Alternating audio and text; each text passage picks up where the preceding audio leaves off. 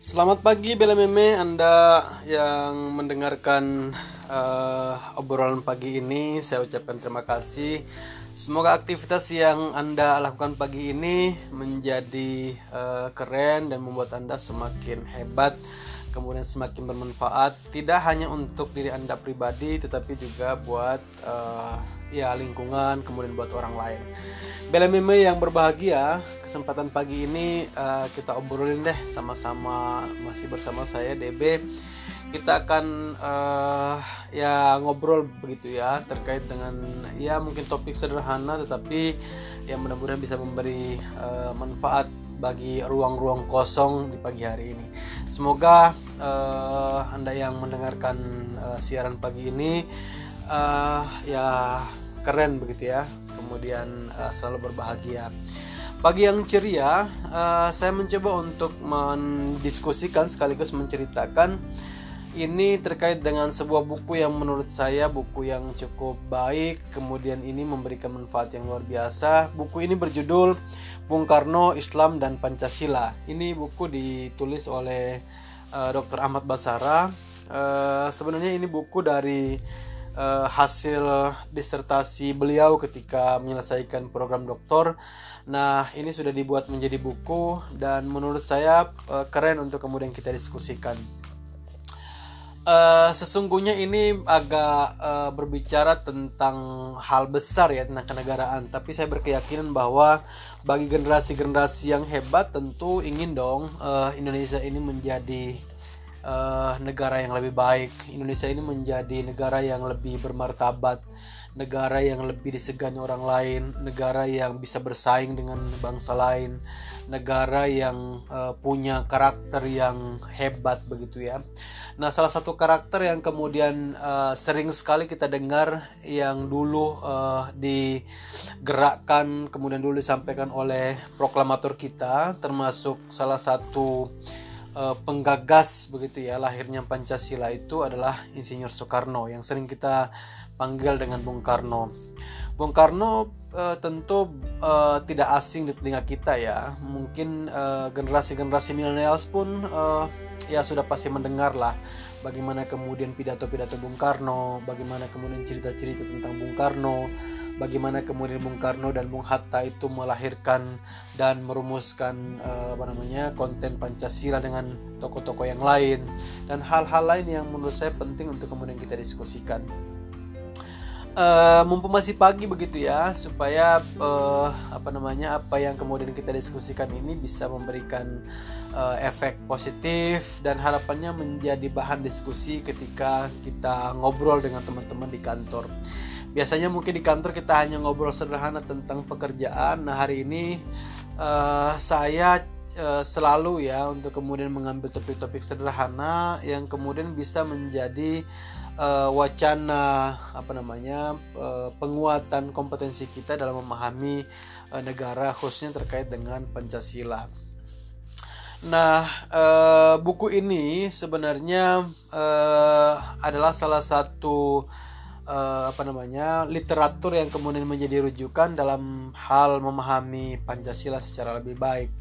Nah, saya mencoba untuk uh, mengawali uh, apa namanya buku ini. Salah satu moto yang ditulis di dalam buku ini saya mencoba untuk membacakan ya supaya tidak terlalu kaku, kemudian tidak terlalu apa namanya, tidak terlalu berat untuk kemudian kita mendiskusikannya. Menuliskan moto ilmu dan amal. Ilmu pengetahuan hanyalah berharga penuh jika ia dipergunakan untuk mengabdi kepada praktek hidupnya manusia, atau praktek hidupnya bangsa, atau praktek hidupnya dunia kemanusiaan. Pengetahuan ialah untuk perbuatan dan perbuatan dipimpin oleh pengetahuan, ilmu dan amal, dan harus uh, wahyu mewahyui satu sama lain. Kemudian bahwa pengetahuan, bahwa ilmu, bahwa uh, Teori adalah tiada guna, tiada wujud jika tidak dipergunakan untuk mengabdi kepada praktiknya hidup. Buatlah ilmu berdui tunggal dengan amal, dengan menuju menjungai setia kepada uh, sumbernya. Ini adalah moto dalam buku ini. Uh, sangat uh, filosofis menurut saya dalam apa namanya prolog buku ini kita sudah di uh, apa namanya itu kita sudah disuguhkan dengan moto yang cukup filosofis bahwa kemudian penting untuk kita menghargai uh, apa namanya uh, pendahulu bahwa penting untuk kemudian kita mengelaborasi antara ilmu dan amal. Tidak boleh terlepas dari ilmu dan amal.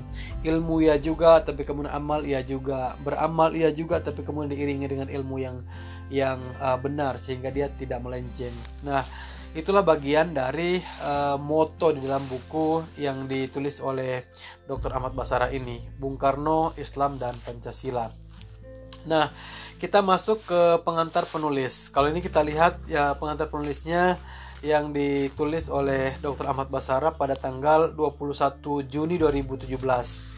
Nah, kita melihat bagaimana uh, pengantar penulis ini tentu secara baik karena banyak juga orang yang menyebutkan uh, Dr. Ahmad Basara ini sebagai profesor Pancasila begitu ya. Banyak sekali beliau menceritakan kemudian menerasikan secara baik begitu ya, menyampaikan secara detail tentang uh, ya soal Pancasila, kemudian soal rumusan-rumusan Pancasila, lalu kemudian hal-hal lain yang terkait dengan Pancasila termasuk sejarah Pancasila begitu ya, yang kemudian memberikan manfaat secara akademis kepada uh, publik. Uh, nah ini juga bagian dari uh, kepentingan kita juga untuk kemudian memahami uh, terkait dengan Pancasila secara lebih baik. Memang Pak Dr. Ahmad Basara ini sekarang sebagai wakil ketua MPR yang juga membidangi uh, bidang sosialisasi yang disebut dengan uh, empat pilar MPR RI. Empat pilar MPR RI ini sebenarnya dulu pada masanya uh, almarhum Taufik Kemas itu menyebutkan atau merumuskan uh, dengan penamaan empat pilar kebangsaan. Nah, dalam perjalanan ada beberapa lembaga yang kemudian mengajukan judicial review terkait dengan uh, penamaan atau frase tentang empat pilar kebangsaan itu. Uh, mereka me tidak sepakat kalau bahasa empat pilar kebangsaan itu dipakai karena Pancasila itu bukan bagian dari pilar, tetapi uh, argumentasinya adalah Pancasila sebagai dasar negara, maka tidak boleh disamakan dengan pilar-pilar uh, yang lain. Kalau di dalam empat pilar kebangsaan itu dulu disebut dengan satu Pancasila, kemudian yang kedua Undang-Undang Dasar e, eh, 45, kemudian yang ketiga Negara Kesatuan Republik Indonesia, lalu kemudian yang keempat terkait dengan Bhinneka Tunggal Ika. Nah, dalam pengajuan e, keberatan yang dilakukan oleh beberapa lembaga ke MK itu mengatakan bahwa Pancasila itu tidak boleh disamakan dengan Undang-Undang Dasar, tidak boleh disamakan dengan NKRI, tidak boleh disamakan dengan Bhinneka Tunggal Ika karena Pancasila ini disebut sebagai dasar negara sehingga frase penamaan empat pilar itu tidak pas untuk kemudian dipakai. Sehingga MK mengeluarkan putusan nomor 100 itu menjelaskan bahwa uh, tidak boleh lagi menggunakan empat pilar kebangsaan. Maka belakangan uh, pada tahun 2019 akhir sampai 2020 ini uh, MPR kemudian mengeluarkan uh, semacam himbauan dan fatwa terkait dengan uh, tidak lagi menggunakan empat pilar kebangsaan tetapi empat pilar MPR RI. Nah, maka uh, di dalam perjalanan orang menyebutkan dengan empat pilar MPR RI. Meskipun beberapa dalam kekosongan kemarin mereka menyebutkan dengan bahasa konsensus kebangsaan atau komitmen kebangsaan, tapi sekarang sudah mulai dikuatkan dengan bahasa yang dikeluarkan oleh uh, Majelis Permusyawaratan Rakyat Republik Indonesia dengan penamaan empat pilar MPR RI. Nah, di dalam uh, proses apa namanya itu penjelasan tentang uh, empat pilar kebangsaan itu salah satu disebut dengan yang paling pertama atau pokok yang disebut dengan Pancasila. Nah, maka buku ini menjadi relevan dan menjadi penting untuk kemudian kita diskusikan karena uh, kontennya uh, berbicara banyak tentang uh, Pancasila, lalu kemudian Islam, lalu kemudian Bung Karno. Karena Bung Karno beberapa apa namanya catatan uh, literatur kemudian penjelasan di beberapa buku kan memang banyak orang juga yang mengatakan uh, bukan Bung Karno lah yang pertama mencetuskan tentang Pancasila. Tapi buku ini uh, justru memberikan apa namanya uh, informasi sekaligus memberikan penjelasan memberikan uh, keterangan sekaligus penguatan tentang posisi uh, Bung Karno sebagai orang yang pertama menyampaikan tentang dasar negara itu adalah Pancasila. Nah, ketika kita melihat apa yang disampaikan oleh uh, uh, Dr. Ahmad Basarat di dalam apa namanya di dalam buku ini memang uh, sebagai pengantar beliau memberikan apresiasi kepada beberapa uh, tokoh gitu ya tokoh bangsa ini yang memberikan juga uh, kata pengantar di antaranya Prof Arif Hidayat uh, mantan uh, pimpinan MK kemudian juga Prof Mahfud MD uh, mantan ketua uh, MK lalu kemudian juga memberikan apresiasi kepada yang memberi pengantar yaitu Ibu uh, Megawati Soekarno Putri. Nah, di dalam beberapa sambutan baik itu yang disampaikan oleh Ahmad Basara, kemudian juga Ibu Megawati, kemudian juga uh, Pak Arif Hidayat, kemudian Pak Mahfud MD menegaskan bahwa uh, cerita tentang bagaimana kemudian perjalanan uh, Bung Karno, kemudian bagaimana penjala, perjalanan uh, apa namanya uh, Islam di dalam perumusan undang-undang uh, dasar, bagaimana perumusan uh, Pancasila, kemudian meletakkan dasar-dasarnya, kemudian bagaimana uh, perumusan sila-sila di dalam Pancasila, kemudian hal-hal penting lain yang kemudian memberikan gambaran yang sangat komprehensif di dalam uh, penjelasan tentang uh, buku ini. Sekali lagi ini mungkin baru prolog saya menyampaikan di awal sebagai bagian dari uh, pengantar awal, tapi nanti saya di sesi berikutnya saya akan menjelaskan secara detail tentang uh, apa sebenarnya yang tertuang di dalam buku ini sebagai bagian penting dalam proses pembelajaran kita tentang uh, Pancasila. Karena uh, Pancasila inilah yang kemudian menjadi uh, sumber hukum yang ada di Indonesia sekaligus sebagai falsafah negara sekaligus sebagai uh, ideologi negara uh, sekaligus sebagai rujukan semua hukum negara yang dituangkan di dalam sila-sila dalam Pancasila itu yang lima sila itu. Lalu kemudian uh, bahasa Soekarno yang sempat membicarakan tentang rumusan lima sila itu bahwa kemudian ketika uh, tidak sepakat dengan lima sila ini maka sempat ini menjadi uh, perdebatan yang luar biasa dalam proses penyusunannya.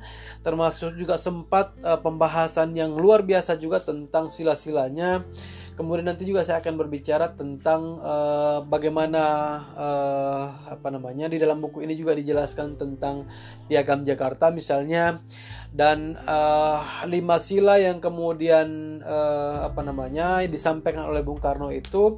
Kemudian ada uh, penegasan Bung Karno bahwa jika uh, apa namanya uh, uh, apa peserta sidang dalam memahami atau menyepakati tentang lima sila ini jika tidak menyepakati maka silakan aja uh, diperas menjadi tiga yaitu tiga terkait dengan uh, apa namanya itu terkait dengan nasionalisme, kemudian demokrasi dan ketuhanan.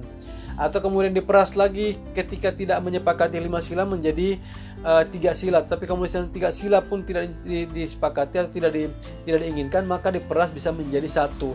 Nah satu itu yang kemudian disebut dengan gotong royong. Jadi kata gotong royong ini pun menjadi sebuah uh, apa namanya bahasa yang bisa dibilang satu kesatuan di dalam uh, rumusan Pancasila itu. Oleh karenanya sekali lagi ini masih banyak sekali begitu ya konten-konten terkait dengan buku ini. Tetapi sekali lagi ini saya masih memberikan prolog dulu. Nanti uh, kita bisa berdiskusi dan saya akan menyampaikan lanjutan dari uh, penjelasan tentang buku ini dan penjelasan tentang konten dari apa yang disampaikan oleh Dr. Ahmad Basara bagi pendengar yang baik pada pagi hari ini tentu uh, semoga uh, kita semua uh, sehat dan harapan saya ini menjadi apa namanya konten dalam diskusi uh, BLMM di setiap kegiatan pada uh, pagi hari ini. Semoga bermanfaat dan terima kasih telah mendengarkan rekaman ini. Salam hormat dari saya DB.